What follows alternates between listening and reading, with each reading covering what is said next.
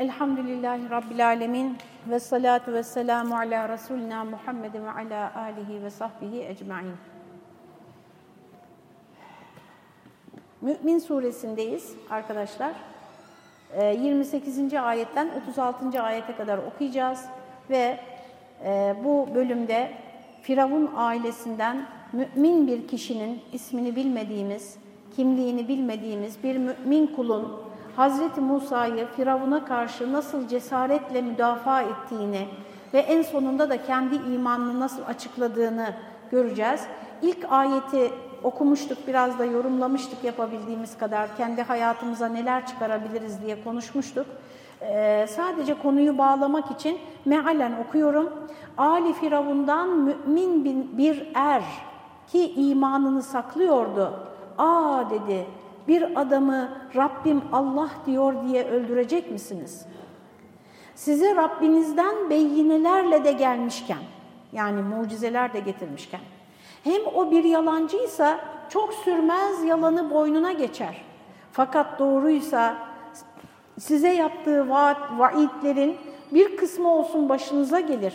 Şüphe yok ki Allah müsrif bir yalancıyı doğru yola çıkarmaz. Yani ne yapıyor? Akıllarına hitap ederek, onları düşündürerek ne yapıyorsunuz, şu yaptığınızın farkında mısınız diye e, sorular sorarak onları e, vicdanlarını, akıllarını, mantıklarını, hani vicdan yoksa da mantıklarını harekete geçirmeye çalışıyor.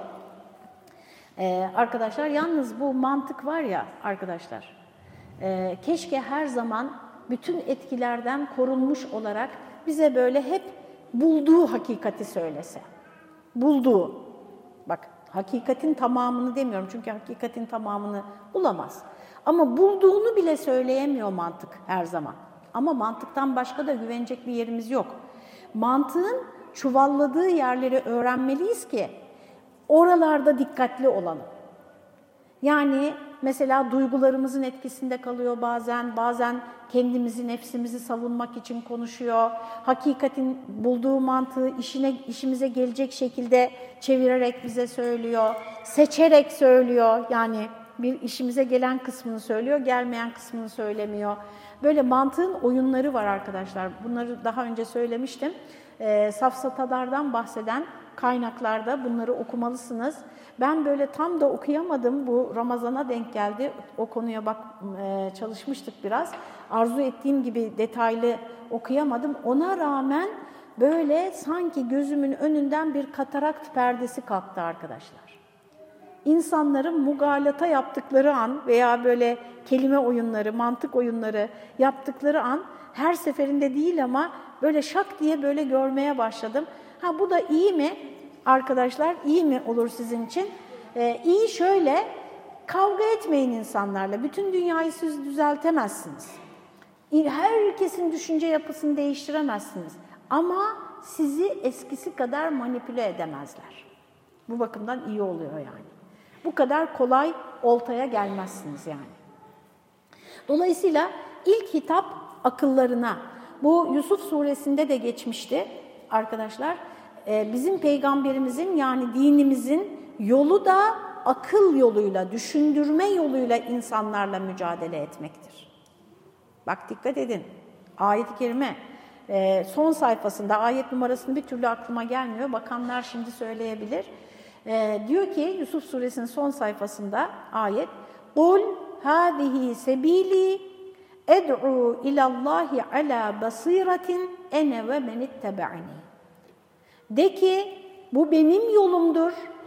Ben insanları düşündürerek, basiret yöntemiyle yani, göz e, akıllarına, düşüncelerine hitap ederek e, Allah'a davet edeceğim. Ben ve bana inananların yani bizim yolumuz budur de insanlara diyor e, Cenab-ı Hak. E, öncelikli olarak yani bu yolu seçmeliyiz. Şimdi burada bir şey daha söyleyeyim.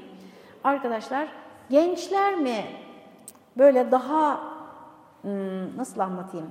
İçine oyunlar karışmamış pırıl pırıl bir akıl ve zeka ile konuşuyorlar. Yetişkinler mi? Unutmayın gençler arkadaşlar. Onların soruları kasıtlı değildir, kötü niyetli değildir, öğrenmek istiyorlar. Sizin ve bizim gibi ana babamız böyle dediyse doğrusu budur demiyorlar. Yani anlamak istiyorlar. Neden böyle inanıyoruz? Neden böyle? Ee, neden Allah mesela geçen de konuştuk değil mi burada? Neden Allah bu kadar iyilikleri olan bir insanı sırf imanı yok diye öbür dünyada cehenneme atacak? Onun yanında bir sürü yanlışlar yapmış birini işte tamam yüzyıllarca, bin yıllarca cehennemde yansa da er geç bir ümidi var, imanı varsa eğer cennete gidecek er geç. Yani bu şimdi haksızlık değil mi diyorlar değil mi? Anlamaya çalışıyorlar. Biz ne diyorduk? Allah öyle söylemiş. Peygamber öyle söylemiş. Aslında aklın da varacağı yer burasıdır da arkadaşlar. Ama akıl e, razı edilmeden gerçekleşen teslimiyet kurtarıcı bir teslimiyet değildir yani. Aklı razı ederek ulaşılan teslimiyet e, sağlam, şaşmaz, sabit böyle hani Kur'an-ı Kerim'de söylendiği üzere kökleri yerde, dalları gökte bir ağaç gibi.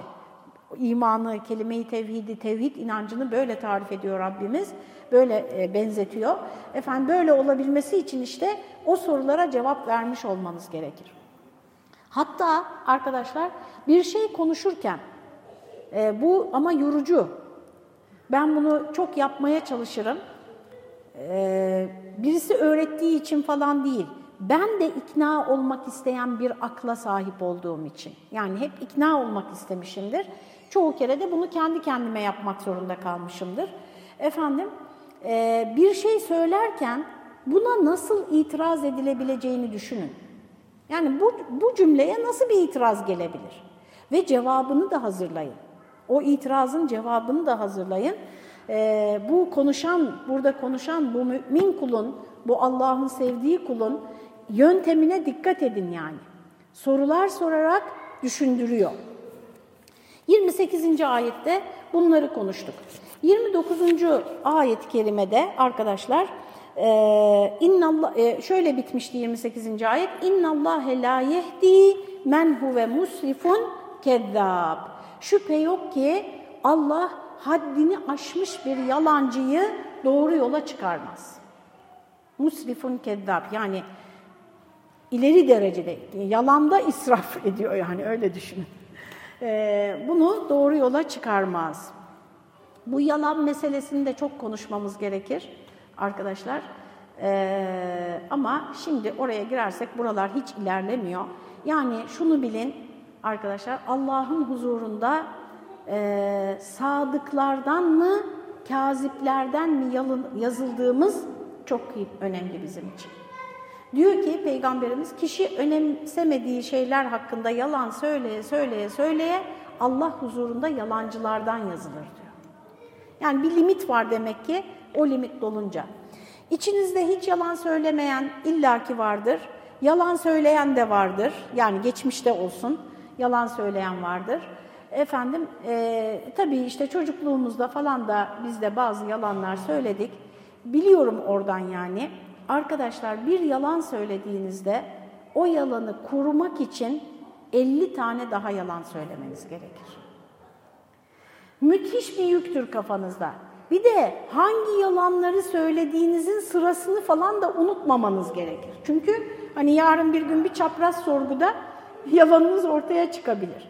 Yani hiçbir gedik bırakam, bırakmamak için yani düşünün koca bir dolu küfe gibi her bir yalanı yani sırtınızda taşımanız, aklınızda onu tutmanız gerekir. Doğruyu söylemek çok daha konforludur yani buna kıyasla. Doğruyu söylediğinizde evet biraz başınız belaya girebilir veya bir sıkıntı yaşayabilirsiniz. Halbuki Allah Teala arkadaşlar e, ya eyyühellezine amenüttekullâhe ve kûlû kavlen sedîdâ Ey iman ed Ahzab suresinde olması lazım. Bu çocuklar kiminse anneler yanında durması lazım yani. Ee, ey iman edenler Allah'tan korkun, takva sahibi olun ve dost doğru konuşun diyor. Kavlen sedida, düzgün, dost doğru söz söyleyin. Ne olacak böyle olursa? Yuslih lekum a'malekum ve yağfir lekum zunubekum. Bütün işleriniz yoluna girsin ve günahlarınız bağışlansın. Düşünebiliyor musunuz? Yani işlerinizin yolunda mı gitmesini istiyorsunuz? Doğru söyleyeceksin kardeşim. Tabii ki doğruyu söylemenin de yolları var. Buna atalarımız bir örnek vermiş. Selamun aleyküm kör kadı demeyin. Doğru söyleyeceğim diye adam kör ya, adama kör kadı demene gerek yok. Yani yüz tane yolu var bir şeyi söylemenin. Efendim incitmeyecek şekilde, zarif bir şekilde, e, empati yaparak onunla o doğruyu söylediğinizde nasıl seni çok iyi anlıyorum, işte ben de e, efendim benzer durumda ben de bulundum, dur, oldum ama kardeşim bak burada sen şu, şu yanlışı yapmışsın.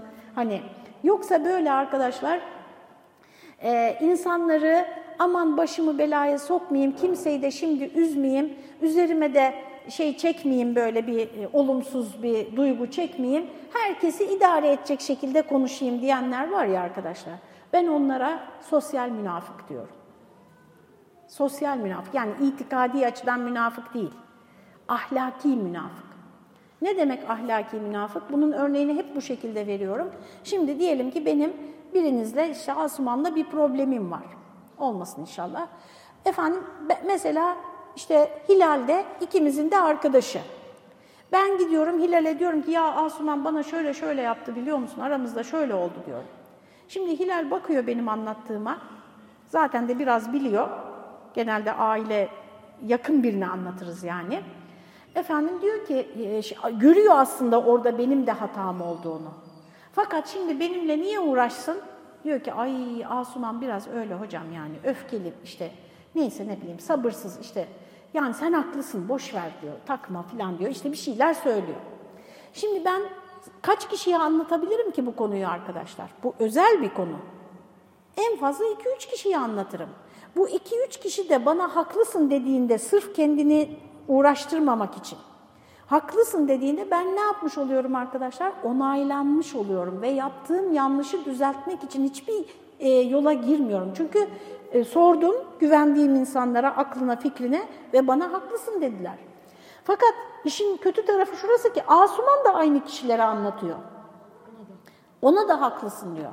İşte bu münafıklıktır arkadaşlar. Gerçi Nasrettin Hoca sen de haklısın, sen de haklısın dedi. O nedir? Onunki münafıklık değil arkadaşlar. Onunki şu.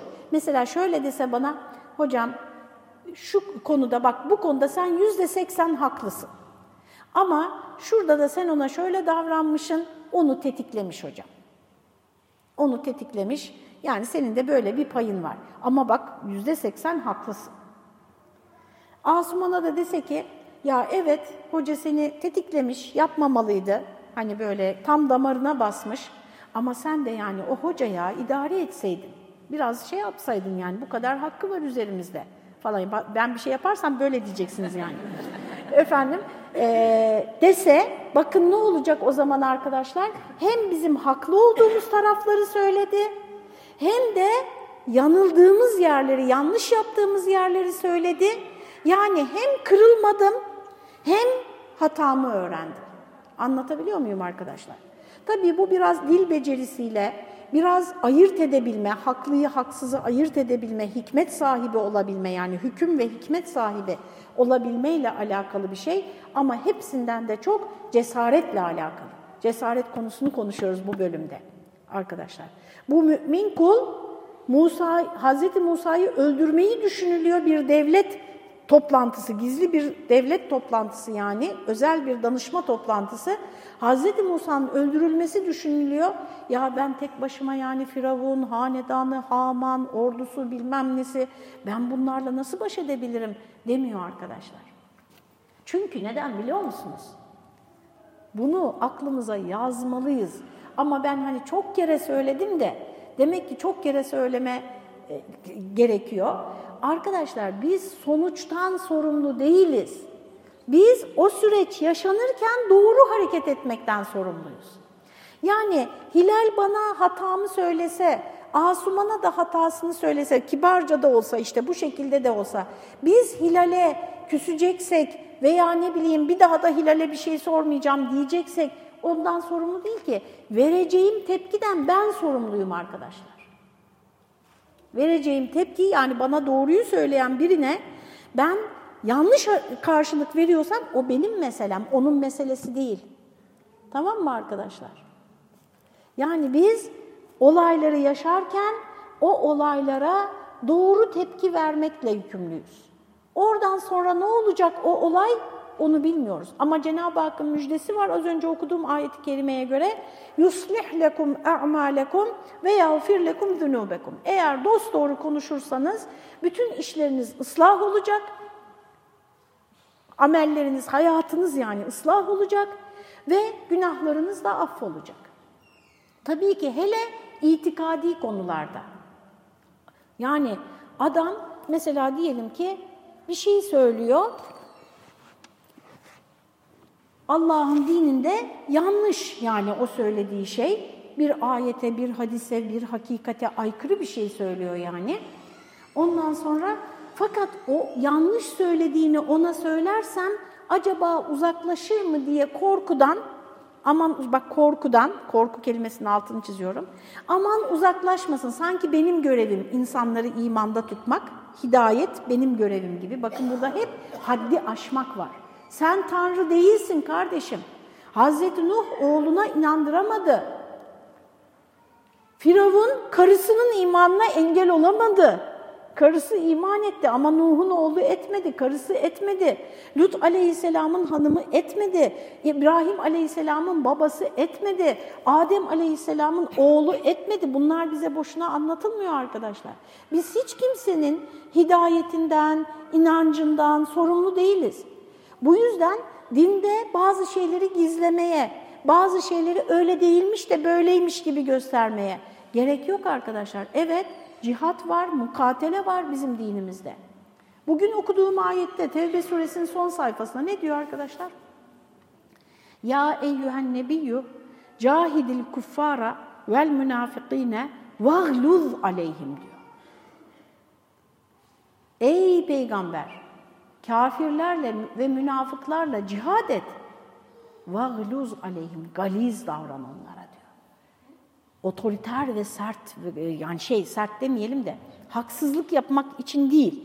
Yani seni böyle e, asla yıkamasınlar yani. Dimdik dur, kuvvetli dur karşılarında diyor. Şimdi bu var bizim dinimizde yani. Veya kadınlarla ilgili evet var. Yani evet örtünmemizi emrediyor Allah. Yani Evet zina haram. Evet eşcinsellik de lanetlenmiş. Yani bu, biz yani biz Allah'ın dininin sanki böyle koruması bize verilmiş. Aman koruyalım insanlar iman etsin diye arkadaşlar ben onun insanların istediği şekle sokmaya kalkma yetkisini, hakkını nereden buluyorum ki kendimde?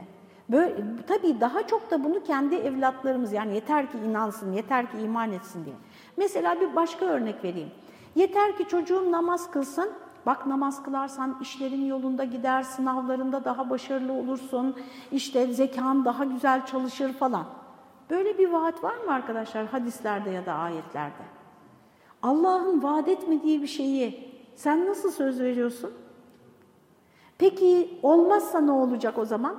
Yani sınavlar yolunda gitmedi ama ve genelde de onu da söyleyeyim parantez açarak namaza ilk başlayanlardan yani sayısız kişiden dinledim bunu arkadaşlar. İlk dönemlerde hayatında çok terslikler olur. Namaza başlamış, namaza başlamış, hayatında terslikler olur. Ya insan ne bekliyor yani namaza başlayınca şöyle artık dümdüz bir yola çıkmış olmam lazım. Yani Cenab-ı Hak hani onun için mi yapıyorsun, bunun için mi bilemiyorum sebebi hikmetini.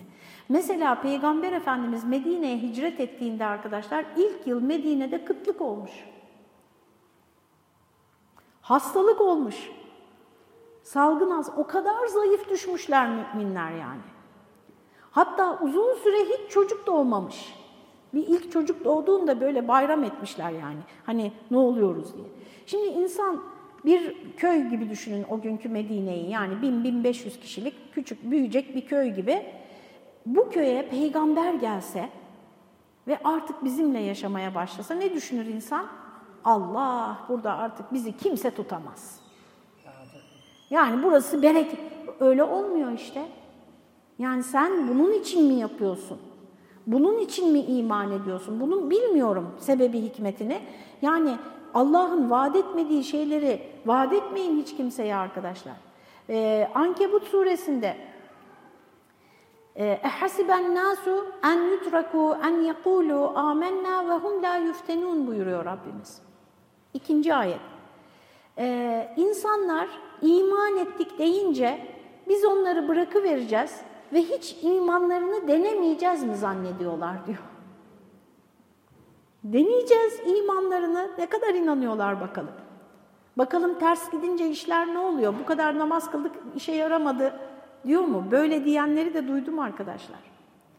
Onun için e, efendim böyle kendimiz dinin sahibi değiliz. Biz kendi hayatımızın yani o da emaneten, asaleten değil vekaleten kendi hayatımızdan sorumluyuz. Bu hayattaki tercihlerimizden sorumluyuz. Ben size doğru söylemekle sorumluyum. Doğru aktarmakla sorumluyum.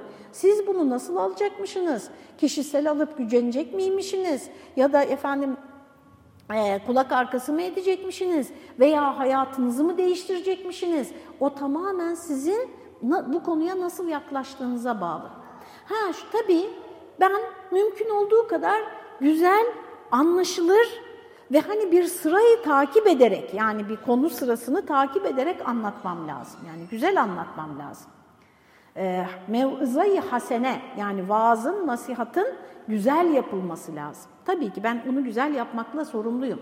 Ama konuyu değiştiremem, muhtevayı, içeriği, mesajı değiştiremem. Bir, ikincisi de sizi ikna etmek gibi bir yük altında kendimi hissedemem. Bu korkular, bu endişeler, bu kaygılar hep işte o e, kendi sorumluluk alanımızı yanlış çizmekten kaynaklanıyor. Doğruyu söyleyememek de hakeza böyle. Şimdi e, devamında diyor ki efendim 29. ayette ya kavmi diye başlıyor gene hitap ediyor bu zat. Ey benim kavmim bugün mülk sizin yani çok varlıklısınız, çok kudretlisiniz. Eski Mısır'ı düşünün arkadaşlar yani. Ee, çok var dünyanın en zengin ülkesi, en gelişmiş ülkesi. Efendim e, mülk sizin. Arzda yüze çıkmış bulunuyorsunuz. Yani en önde gelen milletlerdensiniz. Fakat Allah'ın hışmından bizi kim kurtarır şayet bize gelirse? Yani işte tarihe de baktığımız zaman ne yükselişler ne alçalışlar değil mi? Ortadan kalkmış milletler var yani. Ortadan kalkmış hiç artık bir ferdi bile kalmamış milletler var. Allah bize bir hışım gönderirse bundan bizi kim kurtarır? Firavun ben dedi. Size reyimden başkasını göstermem, yani ben kurtarırım anlamında değil.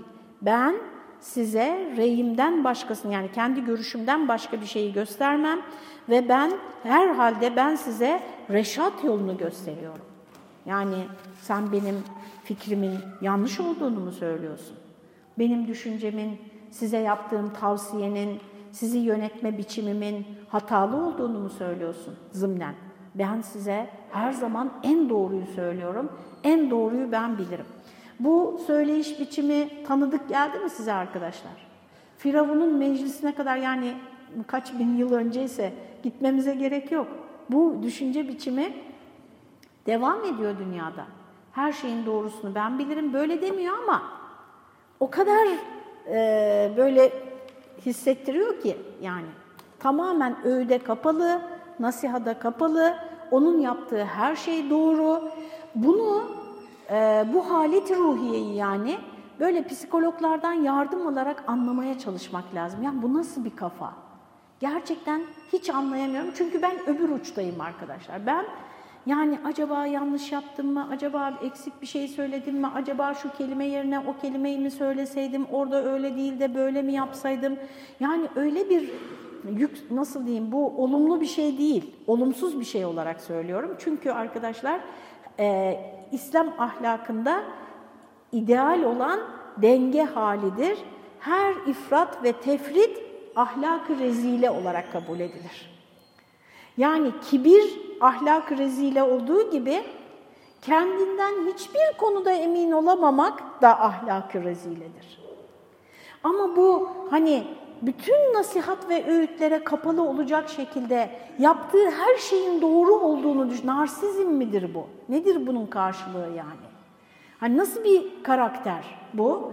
E, düşünün bu tepede e, yani o büyüklük yani şey şey anlamda büyüklük arkadaşlar sosyal anlamda yani üstte olmak ve hani nesiller boyunca olmak Firavun çünkü bir aile yani Firavun bir ünvan nesiller boyunca hep öyle olmuşlar bu bir süre sonra e, baş döndürüyor arkadaşlar baş döndürüyor ve Allah korusun böyle bir yola girebiliyor. Veya kavmi, bu zat dedi ki, ey kavmim, limenil mulkul yevm. Bir soru soruyor, bugün mülk kimin? diyor.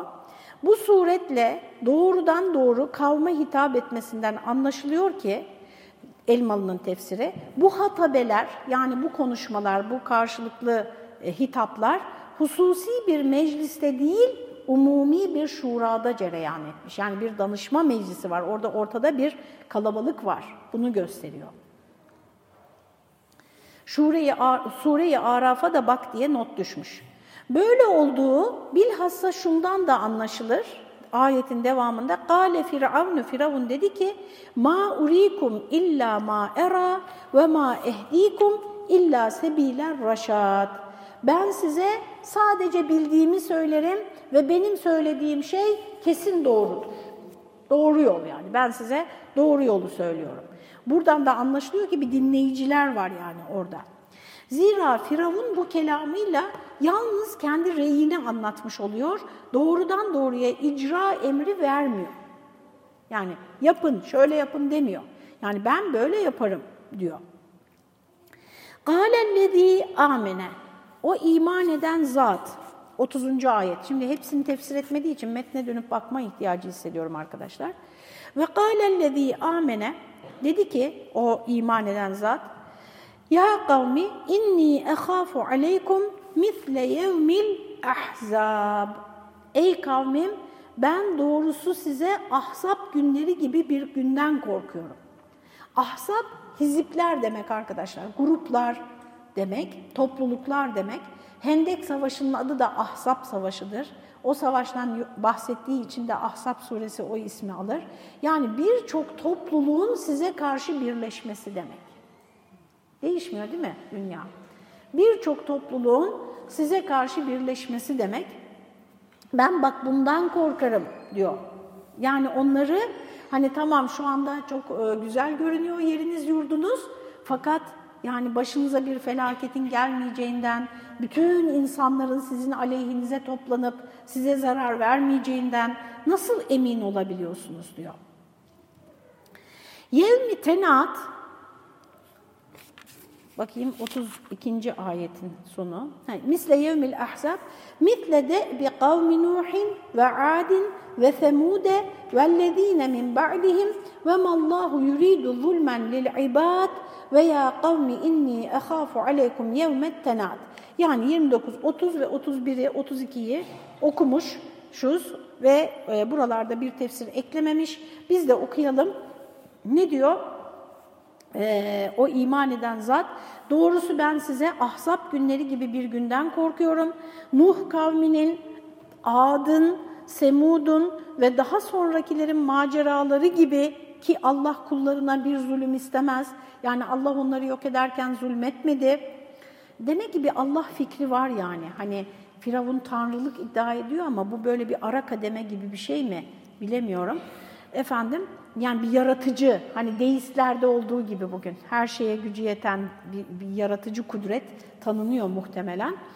Efendim e, o zulmetmez diyor ama bunları bunları yaptı, bunları helak etti. Bunların benzerinin sizin de başınıza gelmesinden korkarım. Hem ey kavmim hakikaten ben size o çığırışma gününden korkarım. Çığırışma günü arkadaşlar herkesin çığlık çığlığa e, olduğu kıyamet günü, diriliş gününü söylüyor. O arkanıza dönüp gideceğiniz gün yoktur size Allah'tan bir himaye edecek. Her kimi de Allah şaşırtırsa yoktur ona artık bir hidayet edecek. Meal böyle. İşte burada yevmi tenadı 32. ayetin sonundaki yevmi tenad, tenadi günü, çığırışma, bağırışma günü demektir ki kıyamet gününün bir ismidir. Çünkü o gün birbirlerine feryadu figan ile bağırışacaklar. Yetişen yok mu diye istimdad edecekler. Efendim e, cennet ehli cehennem ehline veyahut da bağıracak, seslenecek. O da Araf suresinde geçmişti ve Nada sayfası hani size okuyun demiştim. E, böyle birbirlerine nida edecekler. İşte bunları hatırlatıyor. Yani o kıyameti, Allah'ın azabını, dünyada veya ahirette vuku bulacak olan azabını hatırlatıyor onlara.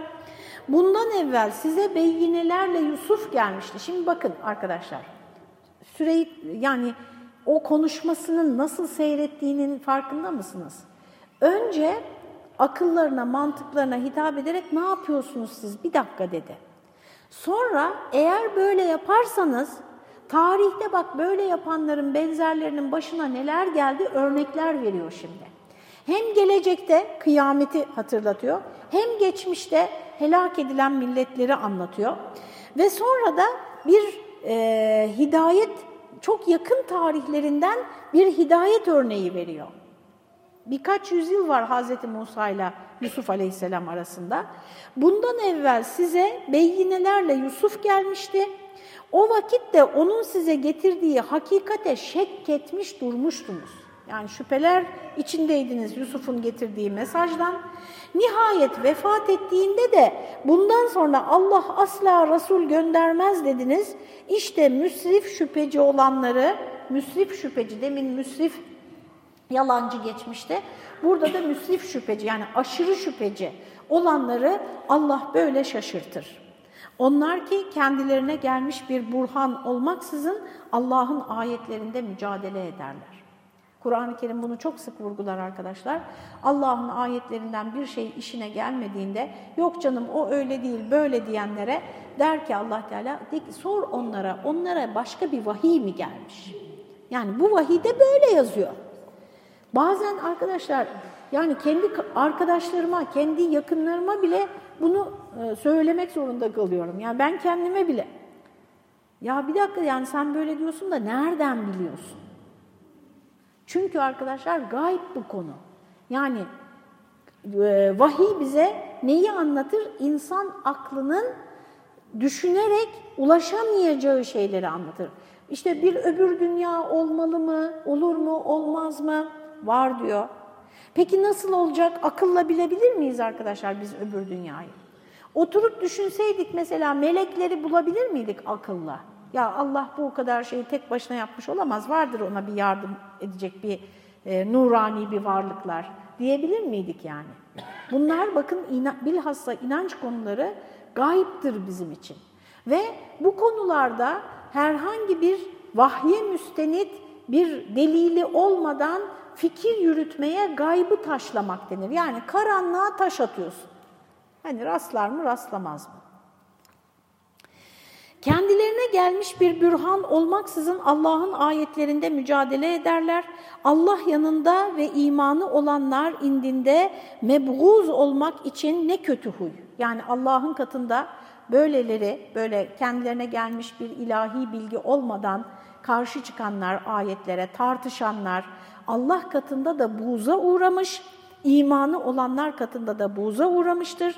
İşte Allah her cebbar ve mütekebbirin kalbini öyle bir tabiatla mühürler. Ee, şimdi bu tabiatın mühürlenmesini de konuşmak lazım arkadaşlar, geçiştirmemek lazım. Yani insanın, insan yaratılıştan kibirli gelmez arkadaşlar. Yaratılıştan narsist gelmez, yaratılıştan müstani böyle gelmez. Yaratılıştan Allah'ın ayetlerine karşı çıkacak, zorba, insanlara zorbalık yapacak birisi olarak gelmez. Nasıl olur da böyle olur? İnsan arkadaşlar e, olmuş diyelim kendini düzeltebilir mi sonradan? Mümkün mü bu?